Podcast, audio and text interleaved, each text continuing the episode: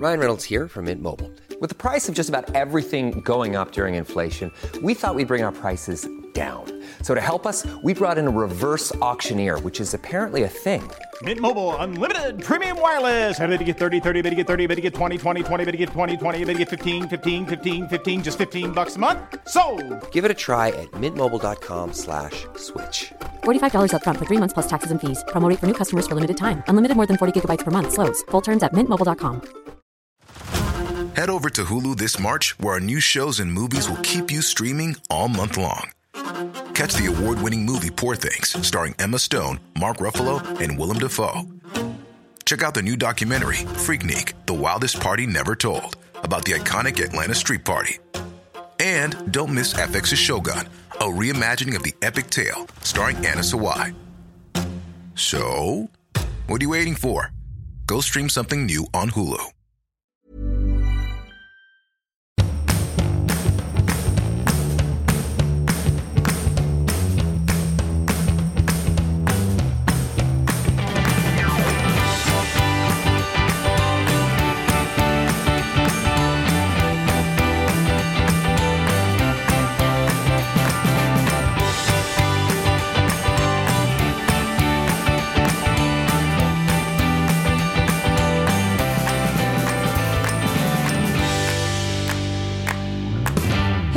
Välkomna till Lillelördag. Eh, det var ju eh, en väldigt lyssnad och, eh, vad ska jag säga, omdebatterad podd förra veckan Verkligen. efter Bing Cat Gate. Precis. Och det, jag tycker det är spännande det där psykologiska fenomenet som alltid sker under drev. Det blir någon form av masspsykos och sen så är plötsligt så, så här, andas folk ut eh, och sätter sig och tar en kaffe och börjar säga oj, ja det finns ju å andra sidan fler nyanser och flera sätt och flera tankar och bla bla bla. Och så börjar en liten ny minidebatt i svallvågorna.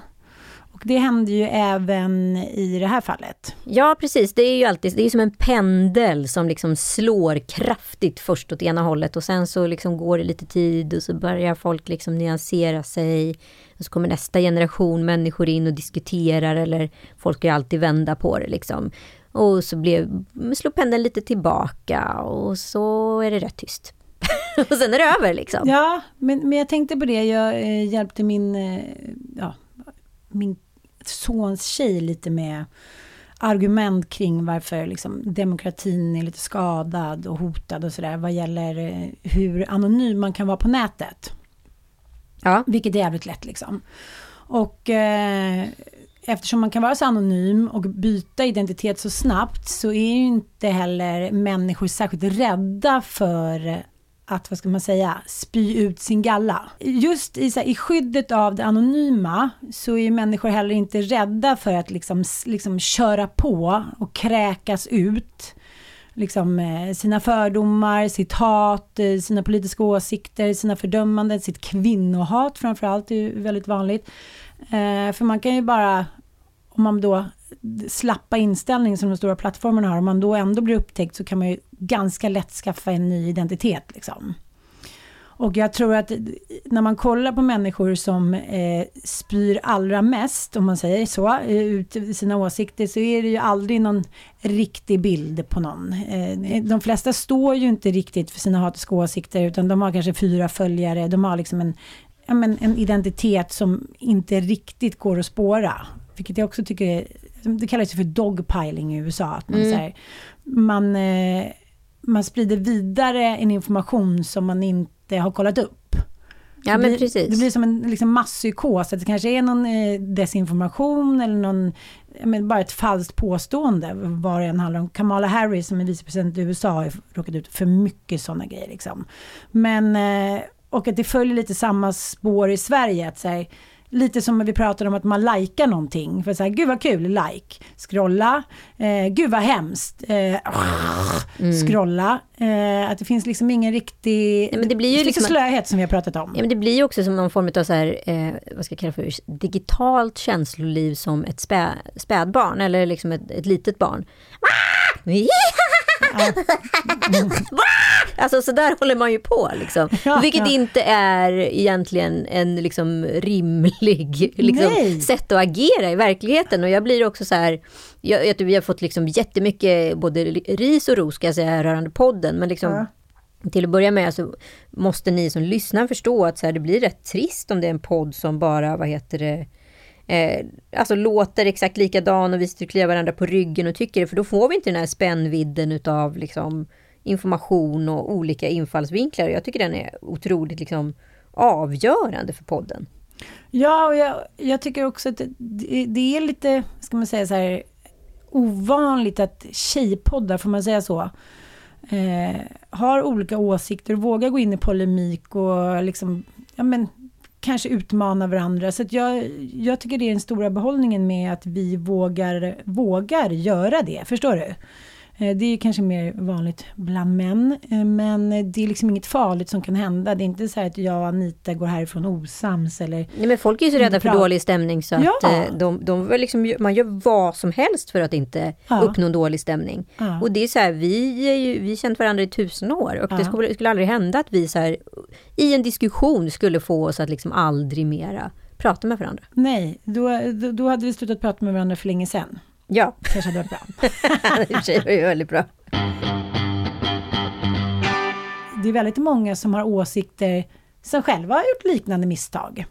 Ja, gud ja. Ja, men Och- det har man glömt bort. Ja, men jag tycker också så här, jag har sett många liksom, ja, journalister, skådespelare och så vidare som, som har då eh, likat de här inläggen som har varit liksom anti hela festen och företeelsen. Men det är ingen som har liksom eh, gått in i och diskuterat detta i hiphopkulturen eller andra fenomen som man då dyrkar och liksom är verkligen så här Ja, men som man dyrkar hela tiden i var och varannan möjlighet man har chansen att göra det.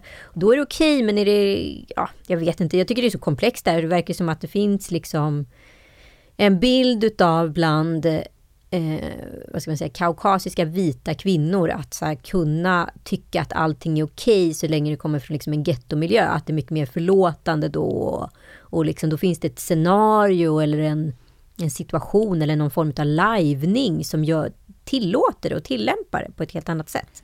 Men när det kommer till vita människor, då blir det, då blir det väldigt laddat. Ja, otroligt laddat. Jag tänkte på det nu när jag eh, låg och plöjde eh, nya Snabba Cash igår. Mm. Att det är ju... Otroligt fin serie. Nej. Alltså, de har lyckats så bra med säsong två så att jag, jag, helt, jag trodde aldrig att de skulle uppnå det här. Det var någon som skrev att den når inte samma höjder som första säsongen. Jag, jag tycker nästan tvärtom. Jag tycker att den eh, når nya höjder. För att den vågar ta sig an liksom, frågor eh, som är så här otroligt eh, vad ska jag säga, känsliga i Sverige just nu.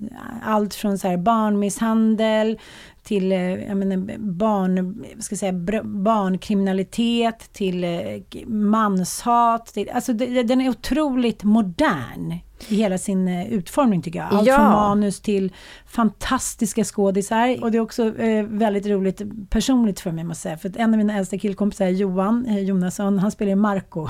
Just det. Så utan liksom, vilken roll han än spelar så är han ändå alltid sig själv. Alltså, det är liksom, med hans röst och så. Det är lite så mycket P. Va? Det är lite så mycket P. Ja. Ja. Nej, men jag tycker han är fantastisk i den rollen och eh, den är väldigt liksom komplex och äntligen, tack du som har castat det här, bra barnskådespelare i Sverige. Det Mm. händer inte ofta ska jag säga. Nej, men jag tycker det är så fint. Ja, men jag tycker det är så fint illustrerat. Nu har jag sett klart eh, säsongen. Eh, ja, jag matade på i helgen här. Eh, och ja, det, den är otroligt liksom tragisk. Och jag, jag, kände, jag hade verkligen så här, jag var lite, lite så här, ja men torr i munnen, alltså lite så här, kände så här, gud för fan. De har tagit det här barnperspektivet och det här utanförskapet och liksom, och det som blir så otroligt bra är ju när liksom att Leia då symboliserar de båda världarna och liksom balansen emellan. Hon är också en pendel som slår, liksom ena sekunden är i orten och hur svårt och hur olika visioner och drömmar ser ut där jämfört med in i stan där det allt handlar om att göra en jävla exit och bli börsnoterad och sen så är man, är man liksom där är snabba cash en helt annan liksom innebörd än snabba cash i orten. Och jag tycker de har verkligen, verkligen jobbat igenom det här manuset och det är så sjukt välspelat. Det är snyggt foto, Gansland, fantastisk regi och jag tycker att alltså, barnperspektivet gör så jävla ont. Man ser hur lätt det är att liksom det inte finns någon hemma, man fångas upp i den här konstiga liksom brödraskapet. Det kunde lika gärna vara fotbollshuliganer eller whatever it is. Men nu är det liksom knark och, eh, och vapen. Liksom. Att man hamnar i en sån sfär så lätt. Jag tänker på den här unga killen Tim då som eh, i förra serien var yngre och liksom hjälpte då en gangster och hamnade i ungdomsfängelse. Och nu har han praktik då på ett kebabställe. Och så, så jämförelsen då när de här liksom gangsterkillarna kommer in och säger ah, men jag, jag respekterar om du vill vara clean nu och så här, men om du skulle vilja så här är mitt nummer. Och så står man där, känner inga para, liksom kanske inte jätte... Ja, tjejerna har blivit ihop med en hockeyproffs, alltså Ja. man känner sig värdelös. Mm. Och sen är det bara liksom ett, eh, ja, ett samtal bort så är man inne i den där världen med para och spänning och Nej, jag tycker också att det är viktigt som eh, pojkmamma och liksom tonårsmamma att se de här perspektiven för det är jävligt lätt att bli hemmablind liksom. Och eh, i ett avsnitt så eh, hamnar ju Leia, hon är ju verkligen, verkligen i knipa, behöver inte säga något mer och eh, kontaktar då en gammal bankkontakt. Och då återkommer man till det här då att när, när, när någon kvinna är i knipa, jag vet inte, jag, jag har själv blivit utsatt för det här flera gånger, att man, man ber om hjälp, man är sårbar och då ska det liksom genast anspelas på lite sex och lite gentjänster och Många tror att det där förändras så jävla mycket med metoo, men det tror jag inte alls. Om en man med makt ska hjälpa, då ska han ha någonting tillbaka och det ska gärna vara liksom, gärna betalning med så här, din kropp, tycker jag. Hon vis, den scenen är så sårbar att så här, de sitter i en pool och den här då bankmannen, ja men, han förklarar för henne då, just det, men kan vi inte bara ha lite mysigt först? Så här, Vi kan väl bada och ta ett glas champagne så här. Sluta, var inte så spänd. Den där återkommer ju liksom till kvinnor i historien. Så här, slappna av lite, bara ha lite kul. Fast man det så här, fem barn hemma, ingen lön, bla bla bla. Eh, och hon liksom, man ser hur hon tampas med det där. Så här, Okej, det är så jävla liksom, lätt men ändå svårt att bara göra hon till viljes, få mina pengar att dra. Men att liksom, det går inte, jag kan inte gå emot min vilja. Och det jag tycker det är jävligt bra att, att de väljer den också sidan i, i tv-serien. För ungdomar kollar ju på de här tv-serierna och får ju någon form av vad ska man säga, moralisk också idé om hur saker och ting ska vara. Det ska man inte underskatta. Nej, men det är ju mycket med moralen. Vi lever i moralens tidsålder och liksom moralismen är ju hög och utbredd och liksom de här valen som vi inte fick någon liksom, lärdom om moral. Här hade det varit så givet för oss att så här, men det väl bara hångla lite, sen får man vad man vill. Alltså när vi växte upp så hette det ju någonting med att man gick sängvägen. Sa man, kommer ihåg det? Man gjorde karriär genom att gå sängvägen. Och alla visste ju vilka som gjorde det. Man Ja. visste precis vilka som gick sängvägen. Ja. men, ah, nu liksom ligger hon med den och den chefen. Så, här, så att, aha, oj, då blev det lite sn- snäpp upp på karriärs... Alltså det var ingen som... Det var så här, det var inget... Det fanns inget dömande i det kände jag. Både här, och skulle jag vilja säga. for you, typ. Det var väl för dem som stod under. Det här var ju shit, chitchattet. Ja, så här, hon hade aldrig... Och jag vet, vet även killar som gick sängvägen. Fast en kille som heter Klas. Han kallades för Klas Klättermus då. Ja, det, det, är, det är så himla lite att allt ska framstå som att det är bara kvinnor som liksom använder ett, så här, vad ska man säga, liten genväg till toppen. Det är klart att killar också gör det. Ja men det är klart. Jag vet flera eh, kvinnor som eh, inte har tackat nej. Nej. Ja men Snabba Cash finns. Klättermus-typen. Ja. Precis, Snabba Cash finns alltså att se på Netflix. Sen vill jag också göra, liksom, lägga en varm hand för dokusåpans historia. Jag var ju själv, skulle egentligen varit med i den men jag är bortklippt. Nej, det är sant. Nej, men jag var där på synk förra året på SVT och, eh, eller om det var i, tidigt i våras. Eh, och då pratade vi mycket om casting, vikten av casting. Att liksom det är ju castingen som gör en bra såpa. Ja. Och den, för det är ändå alltid liksom märkligt tycker jag på Kristallen när det går upp liksom producenter och, och liksom projektledare och allt vad det är. Men det är egentligen så, så här, utan en bra cast så har du inget program. Punkt. Nej. Eh, alltså vikten av casting när det kommer till all typ av doku. Man pratar alltså om, från början då om Robinson och nu idag till Wahlgrens värld och så spannet däremellan vilka promenader och utvecklingstyper dockorna gått till och hur den har blivit rumsren. Exempelvis så intervjuas Horace Engdahl som är liksom besatt utav Lyxfällan. Och liksom är så här, jag kan, jag kan liksom i det här narrativet, i den här misären, i tragedin och sättet de berättar historien, han är liksom helt i, han älskar Lyxfällan på det sättet och undrar liksom varför det här appellerar liksom till honom då som kulturman och egentligen inte alls. Men det är samma tragedier egentligen som utspelar sig som i litteraturen eller på scenen. Ja, men väldigt spännande. Så den vill jag också rekommendera, den går på SVT. Hey, I'm Ryan Reynolds. At Mint Mobile, we like to do the opposite of what Big Wireless does. They charge you a lot, we charge you a little. So naturally, when they announced they'd be raising their prices due to inflation, we decided to deflate our prices due to not hating you. That's right. We're cutting the price of Mint Unlimited from $30 a month to just $15 a month. Give it a try at mintmobile.com slash switch. $45 upfront for three months plus taxes and fees. Promo for new customers for limited time. Unlimited more than 40 gigabytes per month. Slows. Full terms at mintmobile.com. Ryan Reynolds here from Mint Mobile. With the price of just about everything going up during inflation, we thought we'd bring our prices down. So to help us, we brought in a reverse auctioneer, which is apparently a thing. Mint Mobile unlimited premium wireless. Ready to get 30, 30, bit to get 30, bit to get 20, 20, 20, bit to get 20, 20, bit to get 15, 15, 15, 15 just 15 bucks a month. So, Give it a try at mintmobile.com slash switch. $45 upfront for three months plus taxes and fees. Promo rate for new customers for limited time. Unlimited more than 40 gigabytes per month. Slows. Full terms at mintmobile.com.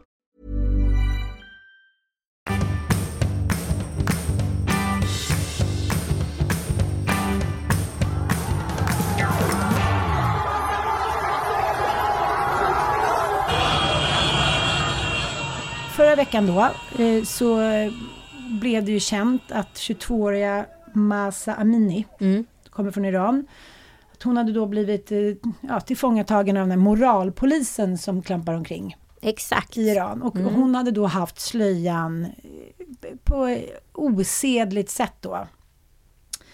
Och hon blev då misshandlad till döds och eh, när det här kom ut då så påstod polisen att eh, hon hade dött och knallfall 22 år gammal då på grund av hälsoproblem. Ja, Just det. Precis. Hälsoproblem Eh, att jag råkade slå ihjäl mig själv. och har iranska då regimen har ju då producerat en film som de har lagt ut där, som de har fikat då hur det här gick till. Och det här har ju gjort att eh, iranska kvinnor och kvinnor över hela världen nu Och män. Ja, äntligen! Det finns fan, liksom fantastiska filmer på Instagram där män också ja, står bakom det här. Liksom. Och de här iranska kvinnorna som är nu ja, som demonstrerar och protesterar, de riskerar sina liv varje dag. Ja, men nu har de eh, stängt av internet där borta och människor dör ju på löpande band och det är ju totalt liksom mini-inbördeskrig liksom om det här slöjförbudet. Och eh, man har ju inte haft slöjförbud tidigare utan det var ju sen Ayatollah Khomeini kom tillbaka till makten och sen har man liksom levt efter en helt ny sedlighetskultur. Och det är ju sedlighetsroten som de kallas då som åker runt och framförallt checkar folk att de lever efter liksom, eh, ja, muslimsk standard var då.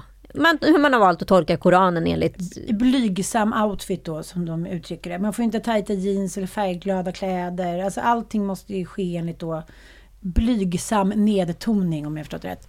Ja, och problemet är ju att de här lagarna som instiftades faktiskt redan 1979, eh, de har ju, den sedlighetspolisen har ju haft väldigt svårt att eh, få kvinnor att följa de här lagarna. Man har då liksom, ja, gått emot lagarna och det har ju varit lite utbrett. Det, det har ju varit så att, att kvinnor har ju eh, gått ut på stan utan sina sjalar och i färgglada kläder och bla bla bla. Så att det handlar väl också om att de skulle på något sätt visa ett statement kan jag tänka mig. Ja, absolut. Och eh, ja, helt enkelt så Masha dog, men det här har ju liksom skapat olika oerhörda protester. Och jag tänker att vi ska prata med en som har koll på läget och slöjans innebörd. Eh, och det är eh, journalisten och författaren Elaf Ali som vi ringer upp nu. Hej Elaf! Välkommen till podden. Tack så mycket. Berätta lite vem du är. Eh, ja, men jag heter då Elaf Ali och jag eh, är journalist och förra året så eh, släppte jag min debutbok som heter Vem har sagt något om kärlek? Att bryta sig fri från hedersförtryck.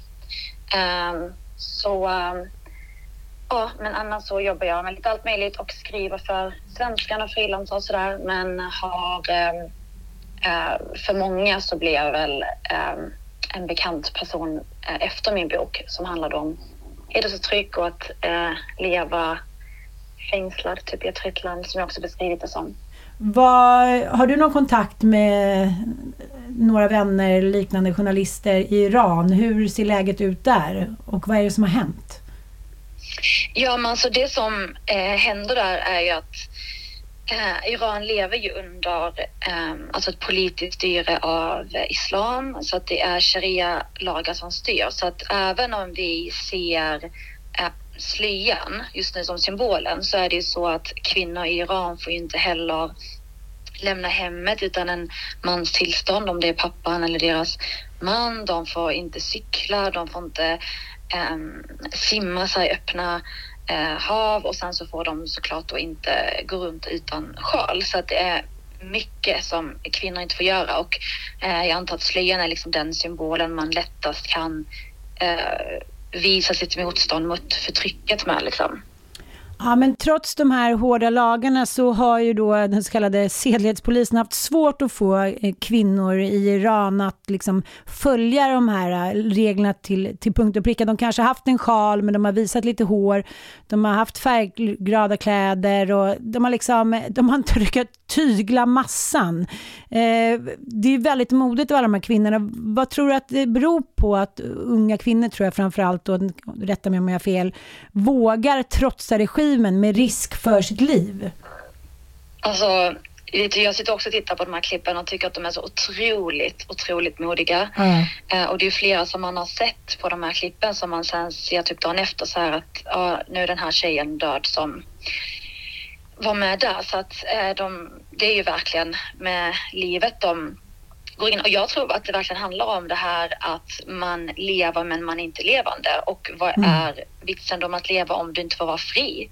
Eh, och jag tror att det är svårt för oss att föreställa sig men, men jag kan ändå förstå det och jag, eh, även om man sitter hemma och bara ser klippen på nätet tänker man alltså att de vågar men å andra sidan vad fan är livet värt att leva om du inte får egna val, om du inte får se ut som du vill, om du inte får säga vad du vill. Alltså jag vet inte. Alltså då kanske man hade ställt sig där ändå och kämpat för sina rättigheter um, för att en dag kunna bli det. Alltså, för att vi vet ju av historien att det är så vi har kunnat gå framåt, det är så vi har fått rättigheter genom att kämpa, inte genom att sitta hemma och vara rädd liksom. Mm. Men om jag, finns det en skillnad då? För att jag vet i alla fall i, om man nu pratar om liksom judendomen, att det är liksom jättemånga i alla fall i, i, mellan liksom Israel och Palestina, den nya generationen som vill få slut på kriget och konflikten. Och hur, hur ställer sig liksom den unga generationen i islam till, till det här, alltså sharia-lagarna? Um, ja, men jag tror ändå man måste känna till att um, islam är en jätte Eh, stor religion och så som det ser ut i Iran och exempelvis Saudiarabien är ju inte så som um, islam i exempelvis um, Indonesien eller andra länder, även Irak. Jag menar, jag var i Irak så sent som 2019 och där har ju absolut inte alla tjejer slöja för det finns till att börja med inget krav där och sen så ser du killar och tjejer tillsammans i gallerierna och sådär och det är Irans grannland. Uh, men det styrs inte av islam så som Iran gör. Så att det är liksom det politiska styret och jag eh, när jag pratar med släktingar och så där så är de såklart emot det för att de vill ju också vara fria. Det är inte så att eh, unga generationen vill leva så där men ibland har man inget val än att bara rätta sig efter reglerna. Men eh, jag ser ju hur de ser ut när de är själva eller på fester för bara tjejer och, eh, och så där. Så att ehm, jag tror att, ehm, eller jag vet ju att så som styret ser ut i Saudiarabien och Iran sticker ut även jämfört med andra muslimska länder så att jag tror inte det är faktiskt många som vill ha det sådär. Nej. Men eh, det är ju lite som du säger, vi kan inte föreställa oss hur det är att vara kvinna och leva i Iran. Jag tänker på valutgången här nu med Jimmy Åkesson och hans eh, ja, partikamrater eh, har ju ofta kritiserat slöjan. Och det har ju varit en het potatis i åratal även i Sverige. Vad säger du om det politiska klimatet och hur tycker du att vi kvinnor här i Sverige ska förhålla oss till den här frågan? Ja, alltså när det gäller slöjan och kanske även så hedersförtrycket så tycker jag eh, att även om högersidan har eh, tagit upp den mycket mer än vänstersidan så upplever jag många gånger att högersidan tar upp den för att förövarna har den bakgrunden som de kanske inte är, Mm. gillar så mycket och att det inte handlar om att skydda kvinnorna primärt. Nej. Alltså det är inte det som är fokus för att så fort eh, när det är en kvinna i Sverige som har blivit utsatt för våldtäkt eller annat och gärningsmannen är etnisk svensk, då säger jag att de skriver att kvinnorna får skylla sig själva och sådär. Så att det har inte riktigt varit så här Eh, kvinnan i fokus. Det har varit väldigt genomskinligt många gånger. Eh, men sen har du då vänstersidan som inte tar upp det av samma anledning för att förövarna har den bakgrunden som de vill stötta, som de menar är minoriteter och utsatta. Eh, så att det har liksom varit att den ena sidan gör det av fel anledning och den andra anledning och den andra gör det typ inte alls eller försöker baka in det i mäns våld mot kvinnor och sådär. Och när det gäller ehm, slyan slöjan så är den komplicerad för att den har ju fått lite olika betydelse för olika människor um, där många ser den som en del av sin identitet och sin stil uh, och jag kan förstå att man som etnisk svensk inte alltid vet hur man ska förhålla sig till den. Nej. Men det är också för mig skillnad på slöjan, alltså plagget i sig och kvinnan som bär den. Eh, Jag är emot slöjan men jag är inte emot kvinnan som bär den. Eh, och varför jag är emot slöjan är helt enkelt för att den, alltså som sagt hur man än så vrider och vänder på det och hur man än har för personlig åsikt om den så kommer det ifrån att den är framtagen för att täcka kvinnan och för att eh, kvinnor inte ska attrahera mannen. Och där är det också så att man inte ska ha på sig åtsittande kläder och vissa tar det så långt som att du inte ska sminka dig och ha parfym och bla bla bla. Så att det är därifrån slöjan kommer. Det kravet finns inte på mannen. Mannen Mm. behöver inte täcka sig när han går hemifrån. Mannen behöver inte täcka sig för motsatta könet. Det är bara kvinnor som behöver göra det. Och då är det för mig svårt att ehm, lyfta upp det plagget som någonting eh, feministiskt och, eh, och någonting man ska Eh, hylla för att eh, jag som feminist kan inte göra det. Alltså när det kravet också finns på män, då kanske jag kan eh, börja eh, tänka på det eller sådär. Men just nu så, och det kommer jag säkert aldrig göra. Men eh, så för mig så är det enkelt och dessutom så tycker jag att det finns en skev bild av att den muslimska kvinnan endast är beslöjad. Det finns många muslimska kvinnor som inte är beslöjade. Men i Sverige så fort vi ska lyfta en muslimsk kvinna så ska vi alltid lägga slöja på henne. Om det så är i reklam eller när vi ska lyfta någon muslim så är det alltid den beslöjade muslimska kvinnan. Men det finns så många muslimska kvinnor som väljer bort det som är liksom muslimer som många i Sverige kanske är kristna eller att man tror på Gud eh, och sådär. Så att jag tycker att det finns ehm, lite okunskap och eh, så här, välvilja att vara god men man kanske inte riktigt fattar faktiskt vad den står för. Jag har valt att, gå, att prata om det här men också gå på den här manifestationen på onsdag 28 september klockan 17 på Norrmalmstorg i Stockholm. Och där kommer då eh, Nooshi Dadgostar prata om alla politiska språkrör. Och eh, ja, om man kan och vill, eh, vill tycker jag verkligen man ska vilja, så kom dit då och visa, eh, eller var en röst för eh, det iranska folket och kanske primärt de iranska kvinnorna. Men känner du att även männen eller de unga, eh, generationsgrej i Iran, där, för det är många killar som varit med på de här filmerna på Instagram, tror att det kommer kunna ske någon förändring och hur kan vi hjälpa till? Alltså det tror jag. Alltså verkligen, man ska inte um, glömma männen för att jag eh, läste innan det här, men det här har ju pågått länge och då är det flera män som har sagt att de tycker det är jobbigt att de måste kontrollera sina kvinnor. Eh, för det är ju också att det blir en så lite balans i relationen där de inte kan vara jämställda för att staten inte tillåter det. Ehm, så att eh, jag tror absolut att både bröder, pappor, män, alltså tycker att det här är också eh, något som borde eh, som det liksom borde få ett slut på. Och jag önskar det alltså verkligen. Ehm, och ehm, Ja, jag var ute och gick jag- och jag- kollade på demonstrationen i helgen. Och då var det, jag blev väldigt rörd och tagen utav eh, det jag såg. Och det var framförallt väldigt många, både bröder, eh, unga män och eh, liksom pappor som gick och det tyckte jag var väldigt fint och, och liksom Mm. Verkligen. Alltså det, är- många gånger så tror man att det är så här män mot kvinnor, men det är liksom de som styr mot resten av befolkningen typ. Ehm, Så det borde man också fram att eh, många gånger är männen på kvinnans sida också. Tack snälla Ella för att du var med. Vi hörs snart. Tack så mycket.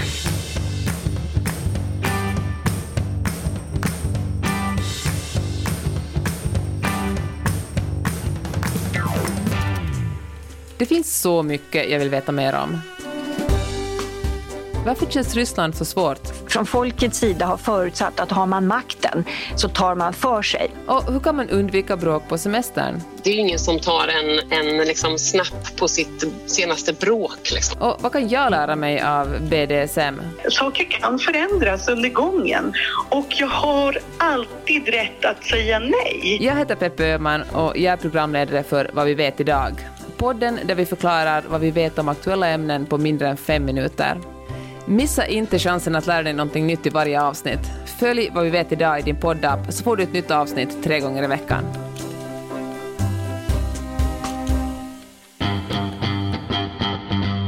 Ja, eh, eh, det är mycket jobbigt som händer i världen, men det är också mycket fint. Jag tänker att kärleken övervinner ju nästan allt, även för eh, gamla tanter, höll jag på att säga. Jag håller på bröllop och nio. Jag har ju förstått att, att vara 50, det är ju som att vara 30, för det, det är då man går på så sjukt mycket bröllop. Ja, Alltså nu- du har ju varit på så många bröllop. Ja, alla kör ju på second time. Eller third. Eller third. Eh, fortfarande inte lyckats ta en bild på mig själv i min outfit. Det blir alltid lite stressigt. Jag var väldigt fin i alla fall, grön puffklänning. Nej men eh, det var en av mina äldsta och bästa kompisar, Kristina, som gifte sig med sin Alex. Och eh, det är alltid så här att du vet, historien är alltid liksom, eh, överträffar ju dikten. Eh, men Alex har ju liksom mer eller mindre, han, han var ju kär i Kristina när han var 18 och de eh, gick liksom, ja men umgicks samma gäng och hon bodde i Paris och sådär. Men det var inte hon så intresserad och nu eh, lite senare i livet så eh, när hon skilde sig så hör, liksom, hördes de igen. Men det är det jag säger, andra varvet. Ja. Det är då det händer. Ja, och det är då också så här, när de köpte en likadan, när de köpte en varsin hund, eh, samma sort. Och, men det, det känns, det är klart att det, det är grejer som uppstår, men när man har liksom redan gått igenom smällar och man kanske inte har gemensamma barn. Alltså de ser ut som att, på de här bilderna, de, jag har aldrig sett ett gladare bröllopspar, de ser ut som 20 år gamla. De är så lyckliga så det känns som, men gud, har jag någonsin, eh, har jag någonsin lett på det där sättet? Fan vilken befrielse att säga, vi väljer varandra av helt rätt orsaker. Och det finns liksom inget mjugg. Det är inte så här, "Åh, jag blev på smällen eller nu ska man göra det. Det är så här, vi väljer varandra för att vi älskar varandra och liksom, vi vill manifestera det. Mm. Det var liksom helt magiskt. Vi var på, de hade hyrt ett ställe som heter Borgen. Mm. Kungliga Borgen som ligger vid Gärdet. Som liksom ett rosa stort, eh, jag menar fantastiskt sekelskifteshus. Så var det eldar och lampor och ljus och blommor. Och, ja, så gifte de sig i stadshuset och sen så kom alla då på fest. Så det var väldigt, väldigt härligt. Eh, men så pratade jag med Kristina igår, dagen efter. Och så pratade vi lite om Ja, men jag, jag kan tänka mig lite för ja, men barn, ja, men, även om man är vuxen och tycker väldigt mycket om den nya partnern så tror jag alltid att man liksom hamnar i det där barnperspektivet. Så här, Jaha, men gud, varför ska ni gifta er? Ni är ju 50, ni har redan varit gifta och jag, liksom, så tror jag att det blir. Att man blir, om mamma och pappa har varit gifta så tänker man kanske, ja, men gud, varför ska de gifta sig igen i vit klänning och göra en stor grej av det liksom. Men eh, jag kan tänka mig det, jag vet inte. Nej, jag har ingen aning, ja, men absolut säkert. Ja, men, men det var så himla, himla fint och det var så... eh, Alla var så glada och lyckliga. Det, det var som hon sa också, under den här middagen så tror jag också att barnen förstod varför vi älskade varandra så mycket och varför vi ville göra det här. Om de nu innan var så här, "Ah, varför ska ni gifta er för? Och, men man har tonårssöner och, och Så att, eh, nej, jag, jag blev verkligen smittad av deras kärlek. Mm, men det är ju fint för att eh, jag tänkte på den efter liksom jag såg bilderna och sådär på sociala medier.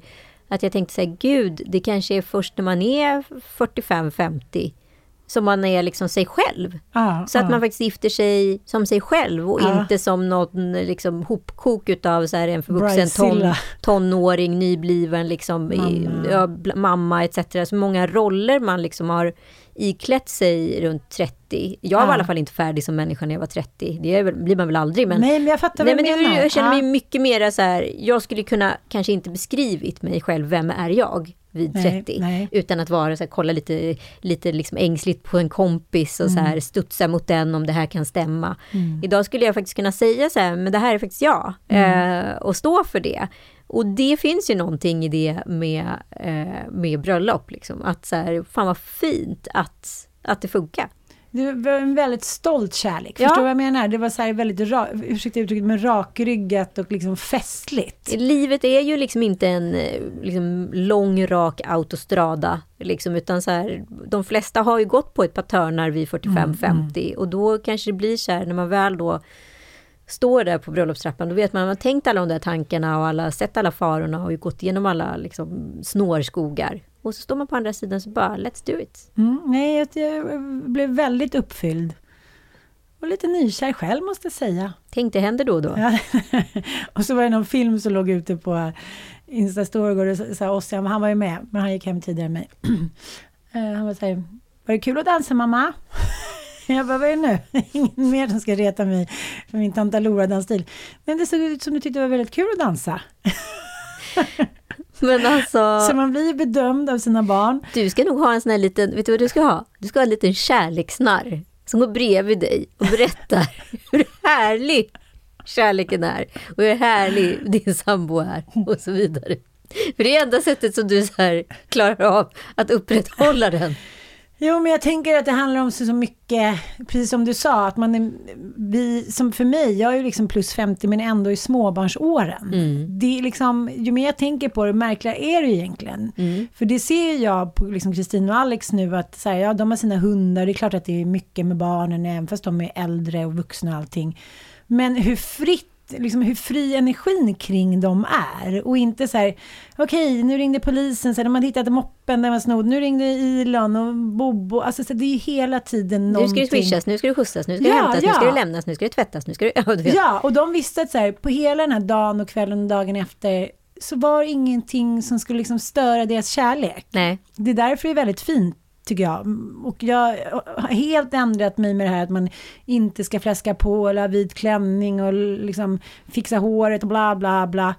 Köp på! Hur många stora fester har man i sitt Ja, men liv? det Om blir man nu bra. har möjlighet. Ja, men då är Frasse 16 när du är 60 då. Ja. ja det blir ju perfekt. 16 dagar.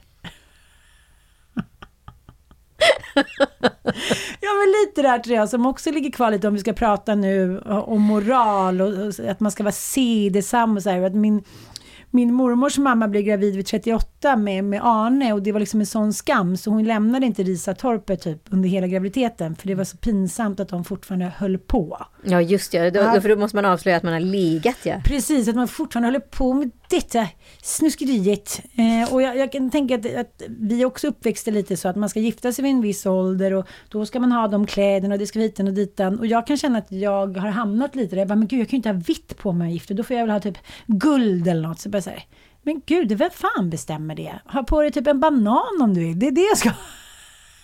Övertygad. Bananer i pyjamas. Ja, så det kändes eh, väldigt upplyftande tycker jag. Och det är bra med sådana där små injektioner. Både för kärleken men också för så här okej, eh, we're not gonna live forever. Antingen så, så, här, så får man ta tag i grejer som inte är bra eller också får man så här, gå vidare. Nej, men vi har ju bestämt oss för att inte ha barn. Liksom, eller Joel får skaffa barn om han vill, men jag kommer Ja. inte skaffa några mer barn. Med mig? ja, exakt. Biologiska liksom. För att jag... jag Det är en liksom, jättebra idé. Det är en jättedålig idé. Gud. Jag vägrar att lämna ifrån den. Min lilla Monchichi. Ta den inte. Också att ni skulle få ett brudbarn. Hur tänkte du där? Den lät Ja, men, nej, men du får ju... Jag bara, nej det kanske Jag vill ha ditt ägg, jag vill inte ha mitt ägg. Nej, nej. Vänta, det gick inte. Nej, det får, vi får se vad det blir för utseende på barnet. Det kan bli Nej, men alltså, jag, är, jag är så här, för de, när, man liksom, när jag lever liksom varannan vecka-liv med allt vad det innebär. Förlåt, jag måste ju säga det, det är ju den bästa tillvaron utav allt. Mm, jag förstår det. Om man inte liksom lever ihop med den personen som man eh, liksom fick barn med och levt med sen kanske tio år innan barn eller sådär. Så man vuxit ihop och är tillsammans. Då, då tycker jag liksom att då är varannan vecka livet oslagbart. Det är svårargumenterat. Men bara slippa maten en vecka. Gode gud, det är det enda jag längtar efter. Nu, med Ilons träningsmanier ska äta. Köper du köttfärs så vi kan äta lunch snart? Jag bara, men det är söndag, vi har precis ätit frukost, pannkaka. Så här, Köper du köttfärs? Så man står han där, jag bara, du vet jag bara kasta, jag vill slå den där pannan i huvudet på honom med köttfärsen rinner. Nej, vi har precis ätit frukost, vi ska nu inte äta köttfärsgryta. Och sen så här hela tiden, är det plan- planerat för middag? Men också att han sin tjej och bor hemma hos dig. Så du har ju liksom så här, du måste ju så här utfodra enligt storkoksprincipen. Nej, och i morse så här, då är det jag eh, som lagar middag med mig ikväll då. Jag bara, det är det första du tänker på när du vaknar. Nu ska det lagas gryta till kvällningen. Jag vill säga, gud kan vi bara ta lite soppa? Nej, nej. Så det ska bli kul att se vad det blir för mat ikväll då.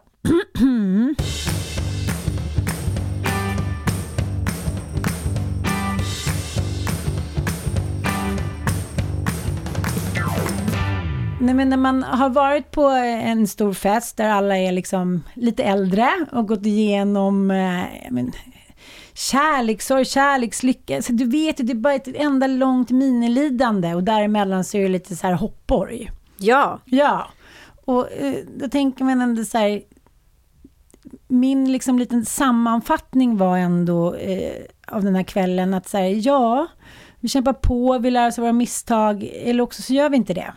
Nej, men, precis. men nu var väl din kompis Kristina, hon Ja. är väl också en brud som kanske inte älskar att ta plats. Så hon Ja. gav platsen till många andra. Precis. Under tiden jag har varit på många bröllop eh, där människor som då vill ta plats har försökt Mm. tagit plats men sen har någon då gäst, bland gästerna Ja. tagit mer plats. Mm. Eh, ja. Ja, men läxorna där i historien när, när eh, människor friar då själva. ja, det är ju så jävla gränslöst. Liksom man hör ju det lite då och då. Ja. Att mitt under middagen så, så här, eh, då tog hans bror upp en förlovningsring och friade till sin fru. Men det finns en del människor som måste ha makt över narrativet. Ja. Som måste liksom för sig komma och säga, ja, men då, då gör vi så innan. Nej, vi gör inte så innan, för det var inte så kollektivt bestämde. Du fick någon trigger eller så här, någon ångest över någonting och skulle förändra hela historien. Mm. Och det har ju hänt det också genom historien. Det kan ha hänt någon gång. Men, men det är det jag menar, att här, man måste ju liksom se på, på människor med så här förlåtande glasögon. För att jag känner så här, jag kan göra exakt samma misstag som jag gjorde när jag var 14 med liksom jobb, kärlek, vänner, bla bla bla. Men din historia eh, från en annan svunnen tid, den är ju ändå ganska stark. Men det är så, för jag, jag blir så chockad när jag tänker tillbaka på vilket otroligt självförtroende jag Ja. hade. Alltså Mm. vi ska inte glömma bort att jag var tre äpplen hög, hade Nej. jättelockigt krusigt hår Mm. och liksom eh, ganska stor näsa när jag var tonåring. Mm. Och eh, Kanske inte high fashion som du är idag. nej men alltså jag var ju väldigt alternativ i klädstilen. Ja. Men liksom jag hade ett självförtroende som att jag var liksom Guds gåva till mänskligheten. ja, och var kom det Ja ifrån men det du? vet jag Ja. inte. Och framförallt så hade ju ingen liksom Ensambarns... Ja men det måste ju vara det för att jag har ju inte liksom gått och blivit, ätstörd och jag tyckte liksom, alltså så här, och jag var liksom, jag, jag vet inte. Jag bara var jävligt nöjd med mig själv på ett, på ett rätt obehagligt sätt för alla andra. Nej, men det kanske var så att du säger din stil och din, dina looks istället för att så här, förminska dig själv och liksom skapa ett utanförskap så tänkte du så här I'm the shit, look at me. Kolla på de där töntiga svennarna så här, kolla mitt krus. min... Nej, men jag vet inte vad jag trodde att jag såg ut som för jag hade ju, jag hade ju också, ja, men jag, för att jag, du förstår, du vet man, man kan ju ragga uppåt. Ja, ja, ja. Man raggar inte level. Nej, utan så, jag, jag raggade ju alltid uppåt. Mm. Hur Och- gick det tycker du? Men bland, med blandade framsteg skulle Ja. jag säga. För att jag tror många liksom så blev så här chockade över alltså, så här, varför, vad fan, Ja. och hon är rätt kul. Håll dig på mattan. Hon är rätt kul. Under Mm. tiden andra bara så här, är du dum i huvudet? Men jag hade ju inga problem med att ragga heller på någon som hade någons flickvän. Nej, Alltså, det var, nej, det var inget- det var din moral. det var min då. moralkompass. Nej. Det var liksom, där spann det runt. Det var helt okej. Men Det är lite som så här, trollemor skulle så här, eh, ragga på typ Carl Philip. Ja, men lite så. Ja, lite så. Trollemor är alltså, eh, det är ju min... eh, Det är min din eh, karaktär. Min, min nemesis. En julafton, trollemor, eh, ni får kolla upp det själva. Ja, eh, men det hände någonting. Du var i, jag gick väl typ i högstadiet va? Ja, jag, Mm. jag var ju grav liksom vänstervriden. Ja. Alltså riktigt gravt vänstervriden. Eh, det var Inte liksom, grovt utan gravt. Jag var gravt vänstervriden. En gravad lax. Flytta bort. Nej men jag var ju liksom otroligt vänster. Ja. Alltså idag skulle jag nog upplevt det som om Penny skulle bli så här woke-vänster Ja. all of a sudden. Eh, och bara så här, vad fan håller hon på med? Mm. Inte klok i huvudet. Eh, och eh, vi tyckte ju liksom, alltså vi ville ju stoppa allt. Ja. Vi var ju på gränsen till anarkister. Stoppa Men- allt. Ja men du vet, stoppa Mm. allt, rörelser. Stoppa kärnkraften, stoppa eh, nazismen, stoppa dig i en soptunna. Whatever. Stora frågor, allt skulle stoppas bara. Allt skulle stoppas. Ja. Det var mycket bättre om allt bara stoppas och samtidigt Mm. skulle vi vara anarkister. Det var liksom lite den Mm. inställningen vi kör, körde med. Och Men- var, kom de här gräsrots liksom, känslorna ifrån? Men vi Jag läste ju inte. Karl Marx, Ja, vet du. Det var riktigt pretto på den tiden. Vi läste ju liksom olika manifest och skrifter, olika kommunistiska, liksom, kommunistisk litteratur och tyckte liksom att så här, landet Mm. producerar vad landet behöver. Det var väldigt liksom, det var mycket så här att det vi ska klara oss. Utan snuskfarbrors-glasögonen. Exakt, Ja, ja. exakt. Han, Eh, upphöjde honom. Precis, alltså, så vissa har ju flytt från kommunismen Ja. och kommit hit, liksom, Mm. så det tänkte inte vi på. Nej. Nej, Det, där var inte vi. Gulag. Kul, kul ställe. Ja men precis så här, och, och liksom, det, det, det, var, det var väldigt snårigt. Och dessutom så hade då min kompis Åsa, hennes pappa var eh, svenska lärare men han var också aktiv i Miljöpartiet. Och Miljöpartiet var det absolut töntigaste vi Ja, visste på den stopp tiden. och belägg. Nej men det var så töntigt. Det var som så här, sätt på dig ett par barkbåtar och gå omkring på stan och tro att du ska få ragg av typ någon med midjetröja. Ja men du vet den här känslan som man har som tonåring när ens pinsamma pappa kommer Ja. och man måste så här sjunka genom jorden. Mm. Så var vi varje gång. I och med att Åsa liksom också pluggade på samma skola som hennes pappa jobbade på så var det ju det också jätteinfekterat. Så man undvek ju att gå bort mot lärarrummet eller hans del utav av vad heter det, byggnaden. toppluva med så här MP. Ja men Mm. och sen så var det hemma, så kom ihåg att det var ju rätt smart egentligen nu när vi ändå sitter i energikris. De hade liksom badvattnet kvar efter de hade badat. För då steg ju värmen upp från vattnet och då värmde det upp huset. Men det var ju ganska äckligt tyckte man ju då, du vet hur man var som tonåring. Att komma in och det var fullt med så här kallt badvatten. Mm, Eh, de hade mulltoa. Va? Ja, de hade mulltoa. Det var ju- Hemma? Ja, Den doften. den doften. Ja. Förpassa sig i någon form av... Nej men gud, det var sensationellt. Det, då var de verkligen Ja, men de var töntiga av- oss. Ja. avantgarde i, i miljösammanhang och liksom det var mycket vägg. Alltså mycket saker, ja, vi var ju också såklart vägg. Ja, men Fast det- vi ville ju inte vara vägg. Jag hatade att vara vägg, men vi var ju vägg. liten Donken hamburgare i väskan. Så. Det här låter ju liksom, det här, är ju, så- det här är ju sånt som är sexigt idag, även på Östermalm. Men Exakt. som då var så här, ja men det var en på skolan. Ja, men det var ju liksom att så någons här- pappa var hippie. Man skämdes, alla var liksom, alla som vågade erkänna politisk färg var ju Ulf Adelsohn i så här blårandig slips. Men verkligen så. så. Var det verkligen. Ja, så det här nej. var ju någonting sensationellt. Ja, men det här var ju liksom riktigt pinsamt. Men sen så kommer i alla fall en dag eh, fältbiologerna till stan. Det var väldigt roligt för jag fick ett, eh, ett DM utav Cissi Blanken som sa så här, herregud, fältbiologerna, kommer du ihåg hur mycket snygga killar det var? Jag bara så här, åh gode gud. Och det var något de där fältbiologerna hade ly- lyckats få så var det ju en jävla armé utav Vaska fram snyggingar. och så här hottis. Herregud, och han som var ledare för de här snyggarmén som kom till skolan, han hette Paul. Med Å. Mm, bra namn. Med Å. Jaha, inte Paul. Polle. Lilla Polle. Paul, alltså Paul, Paul. Ja, jag vet, jag vet. Nej, sånt konstigt namn. Ja, Ah. nej men då, han var alltså den tvålfagraste pojke jag någonsin sett. Han var 18 år, att han hade tjej, det verkar jag inte ens ha ställt frågan om. Nej, men det var inte viktigt. För du kunde ju... med dina looks och dina manners och, din, och det man också trodde om ens ideologi som ändå var påhittad. Så var det så här, jag kommer vinna över honom. Ja, och då, våra då I pinsamma... nävertofflor. Exakt Ja. vad som helst. Så vi var ju så här, helt plötsligt så bara kastade vi alla våra vänsterideal.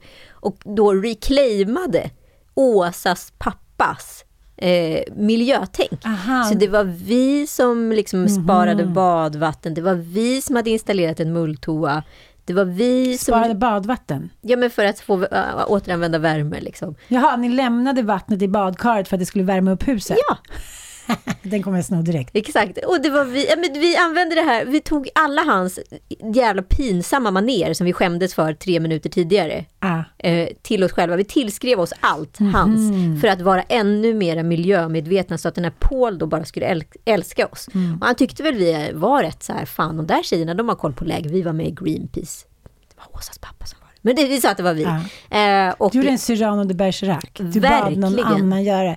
Men du måste också ha med dig nu här att om, om jag tittar på en bild på dig eller mig när vi är 14. Okej, vi kanske är gulliga.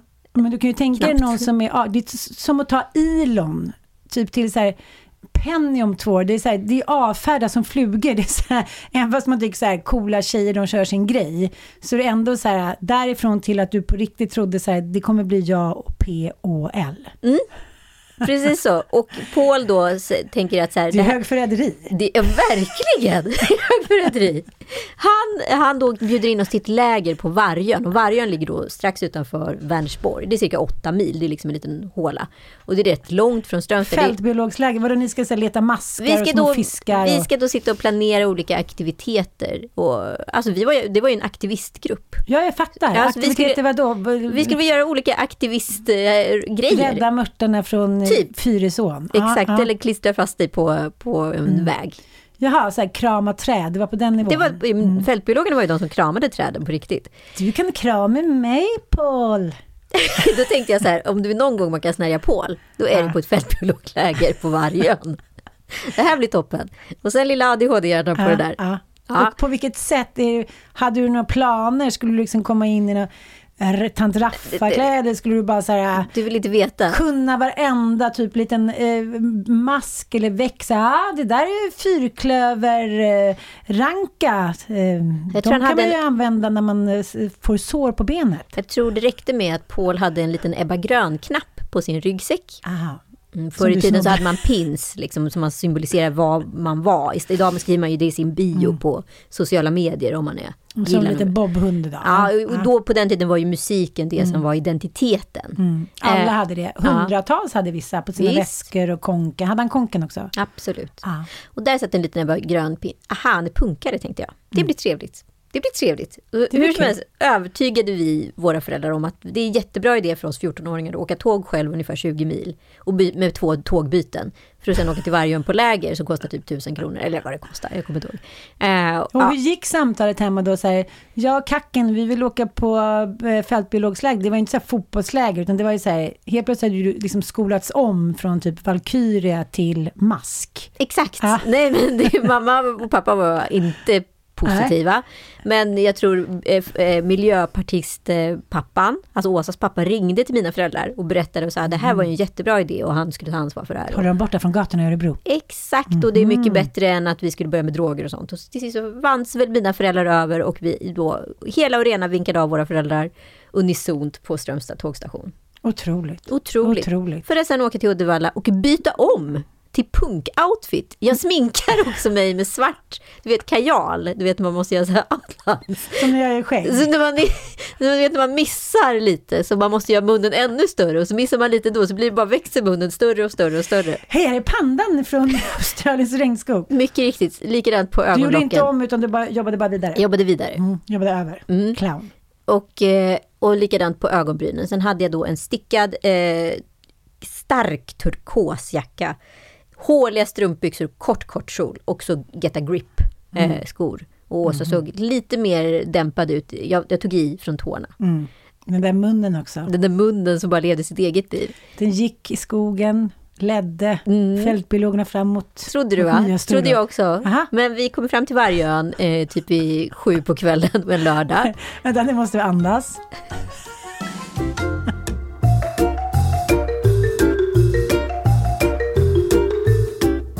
Händer då?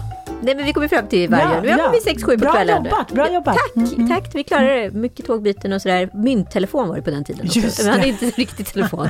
Vad finns det här i skogen? Du förstår att ens föräldrar bara släppte den och bara sa att vi nej, skulle höra ifrån nivå. oss. Ja, så när vi kommer fram till Vargön så är det ingen fältbiolog som kommer där, står där och ska möta oss. Nej, det är en björn. Det är ingen. Men vi går till mynttelefonen, får stoppa i våra små sekiner, höll jag på att säga, de här små mynten, för att ringa då till Paul och du svarar Pauls pappa rätt sur och jag frågar vad Paul är. Paul bor ju såklart hemma. Eh, nej men eh, Paul kommer till sist i telefonen och då berättar han att nej men lägret är ju inte förrän nästa helg tjejer, ni har tagit fel på helg. Ni Ja. står alltså liksom ensamma i en skogsdunge. Tänk om det hade varit sent. Det här är ju förenat med livsfara. Det här är ju oktober, förstår ju mörkt det börjar bli. Klockan Ja. är sex, sju på kvällen. Och munnen? Är Men munnen på, är kvar. påbättrad? Det är ingen som vill prata med mig på Vargön för jag ser ut som jag gör. Du, var- det, det är så filmiskt allting. Det är så otroligt filmiskt och så fruktansvärt fjortis. Är det The Joker? Nej, han kommer först om 15 år. Så då får vi gå tillbaka och ringa mamma och pappa, fast det kommer jag på, nej men det är en jättedålig Nej, är idé. jättedålig idé. För att då kommer de bara säga att vi ska åka hem och sista Ja. tåget har redan gått. hur, hur, hur, liksom, hur trånande är? För när jag går in i det här så känner jag så här, det man kunde känna för äldre killar som jag gjorde till exempel för David Örebro. Liksom, det är svårt att, Det är beskriva, svårt att beskriva. För det är både sexuellt, Ja. det är trånande, Det river i kroppen. ödesmättat. Det, är Det så här, river i kroppen. Ja, I die for you Paul. Ja. Ja. I do Och, it. och i mitt huvud så var det ju bara han och jag. Alltså jag skulle, ju- jag skulle conquer love. Din kompis, henne skulle du bara mörda lite. Det vi var ju båda, vi var båda kära i honom, fast jag var ju lite mer kär. Det är också en grej som ni förmodligen inte pratade om. Nej. Utan det nämndes sig till så här, må bäste kvinna vinna och det var ju båda ni. Exakt, I varsitt eh, galet huvud. precis. Ja. Nej men så vi kom ju då fram till att det bästa för oss, det är att ta oss till Vänersborg, till Paul helt enkelt. Åh, vad han längtar efter oss! Paul! Han är 18 älskling. Han är 18. Han är inte 16 heller. Han är en myndig man som får rösta. Ja. Och då ska ni två så pygmer med pandasmink. Och sen, du fattar väl hur långt ifrån verkligheten här är? Ja, men det, jag förstår, det är så fruktansvärt långt ifrån verkligheten och jag får också gå in på toaletten för att vi får ju inget gehör med den här looken överhuvudtaget. Så du är bara så här, avsminkad diva från Dramaten. Men du förstår ju också att man måste tvätta bort så här kajal med så här kol i, med tvål och vatten. Att man ser bara ut som en sån sotarmurre. Man bara jobbar med inget händer, det blir bara värre. Till slut är det bara en stor kletig, Massa. ja, som kommer dit. Ja, Älskar du dem ännu? Paul? Nej men du måste väl ändå, börjar du inte känna förlustens jag känner ju förlusten, dra? men jag tänker ändå så här, vi måste överleva. Vi kan inte sova på en station i Vargön utomhus i natt. Vi måste ta oss till Pol. Det är det enda som det river i mig. Bara lägg ner hela nya Ronja, ta budgeten och lägg på var, Anita på varje. Eh, jag byter om, sätter på mig mina jeans igen, börjar se liksom ut som mig själv. Eh, eh, Åsa hade inte så mycket smink på morgonen, mest sminka läpparna kommer jag ihåg. Eh, och här någonstans bestämmer vi oss för att lifta då till Vargön. Eh, det vill säga landsvägslifta. Det är 90-väg och det är ju absolut becksvart. Så det enda, och vi har ju inga reflexer eller någonting, så vi går då som två 14-åringar eh, längs den här vägen. Jag tror faktiskt vi hinner gå ungefär nästan två mil innan någon stackars gubbe sent på kvällen, nu är väl klockan långt över tio, eh, plockar upp oss och bara så här, vad gör ni här? Liksom, vi ska till Vänersborg! Till Paul! Och han, han skulle ju mot Vänersborg, men han skulle vidare. Han var rätt upprörd kommer jag ihåg och vi åker i alla fall med honom. Han släpper oss på någon mack och vid macken kan vi då ta kontakt med Paul och säga så här, hej vi är i Vänersborg. Paul och Pauls tjej och Pauls pappa kommer och hämtar oss på den här macken. Jag kan säga så här, Pauls pappa var inte glad. Paul, Paul tjej var super, hon kanske tyckte ni var lite gulliga. Ja, hon tyckte nog att två- vi var liksom ja, två riktigt- fjortisar som är kära med en kille. Det, det, det har man ju ändå sett i Astrid Lindgrens värld, att så kan det vara, Saltkråkan och sådär. Paul satt då demonstrativt och tittade ut genom sin högra vin- vindruta. Han tittade inte på varken mig eller Åsa på hela bilfärden och när vi kom fram till Pauls föräldrars hus då gick han bara rakt in på sitt rum med sin tjej och sa inte ens godnatt. Han trodde han skulle få ligga, men istället fick han... Förstår men- du? Och Pauls Du kan väl inte föräldrar... fortfarande tyckt så här, Nej, här, här, någonstans, här någonstans börjar det liksom skava rätt här börjar mycket. Cyrano Bergerac, alltså nu börjar breven luckras upp, brännas på Vi är också bål. fruktansvärt hungriga så vi måste Ja. ju också be Pauls föräldrar om mat. Han är limpa och boy. Nej men de är så arga exakt hela tiden och vi inte heller var och att de måste bädda upp ett gästrum där vi ska sova. Och sen då Ska inte vi sova hos Paul? därifrån måste jag då ringa hem till pappa och mamma och berätta att ni måste komma och hämta mig i Vänersborg. Och då tar då, efter jag har pratat klart, tar då Pauls eh, pappa luren och pratar med min och säger vilka fruktansvärt omoraliska barn som gör en sån här grej och vad har de för uppfostran egentligen? Nej, Och min pappa blir så arg. Nej, inte din Så pappa. det blev liksom exakt min pappa. Mm. Så Säg det det blev istället. riktigt dålig stämning. Om det var dålig stämning innan så var det katastrof nu. Men det är också så här, tryck ner oss, sparka på oss, kasta oss till vargarna. Så här, ja, ni var två fjortisar, det blev inte särskilt lyckat, men så här, inför föräldrar, så här, moralpaniken. Hur har ni uppfostrat era barn? Det är ju fortfarande idag, om någon skulle säga det till mig, hur har du uppfostrat dina barn? Den tar ju Den alltså. tar. Och min pappa var ju också helt... Mina föräldrar var ju också i chocktillstånd. Ja, de hade ingenting med det här att Nej. göra. Eh, nej men så, sen kom pappa och hämtade oss dagen efter med mamma. De var inte glada. Det var inte den roligaste bilresa hem. Den norrenska tystnaden. Mm. Sen blev det ett utträde ur fältbiologerna. Och kanske, han ni gå med i Miljöpartiet? Sen fick jag eh, liksom höra den här historien då Ja. berättas om de här två fjortisarna som var så kåt på en eh, fältbiologledare som de hade, hade liftat till Vänersborg från Strömstad. Alltså den byggdes ut. den Jag där förstår, den blev mytisk. Ja, precis. Och till sist så hörde jag den på någon fest i Uddevalla när jag gick på gymnasiet där. Eh, och då eh, duckade jag. Alltså jag låtsades, jag skrattade med Mm. åt skrönan. Som att jag var en del utav massan. Du bara, kan vi testa kol 14-metoden? För det är inte jag. Nej, du kunde inte ens stå för Nej, den. jag kunde inte stå för det. Så, så, så omoraliskt moraliskt var det. Paul och min väninnas vägnar vill jag säga förlåt. Jag ska försöka komma upp något liknande nästa vecka. Det tycker jag verkligen. Du kommer får bli svårt jobba älskling, det kommer bli svårt. med, jag- med skammen. Ja, men sista frågan här nu då. För nu kan ju två grejer hända, rent historiskt och rent litterärt och rent i en själv. Antingen så bygger man ju upp ännu mer åtrå och kärlek för Paul, prinsen från Minsk. Eller också liksom tar man på sig skammen som så här, äh, vad fan det där, gud han var ändå så This message comes from BOF sponsor eBay. You'll know real when you get it. It'll say eBay Authenticity Guarantee. And you'll feel it. Maybe it's a head turning handbag, a watch that says it all, jewelry that makes you look like the gem, or sneakers and streetwear so fresh every step feels fly. eBay gets it. So look for the blue check mark next to that thing you love and be confident that every inch, stitch, sole, and logo is checked by experts. With eBay Authenticity Guarantee, you can trust that feeling of real is always in reach. Ensure your next purchase is the real deal. Visit eBay.com for terms. jag inte såg hans brallor. Han hade ju så här manchesterbrallor och jävla konken. Så här, Fan vad trodde han att vi skulle dit jävla tant? Och sen går man vidare, inte ett dugg mer insiktsfull. Nej, precis. Vilken valde du? Jag vill gissa. Det får vi svar på i nästa veckas podd av Lillelördag. Tack för att ni lyssnade.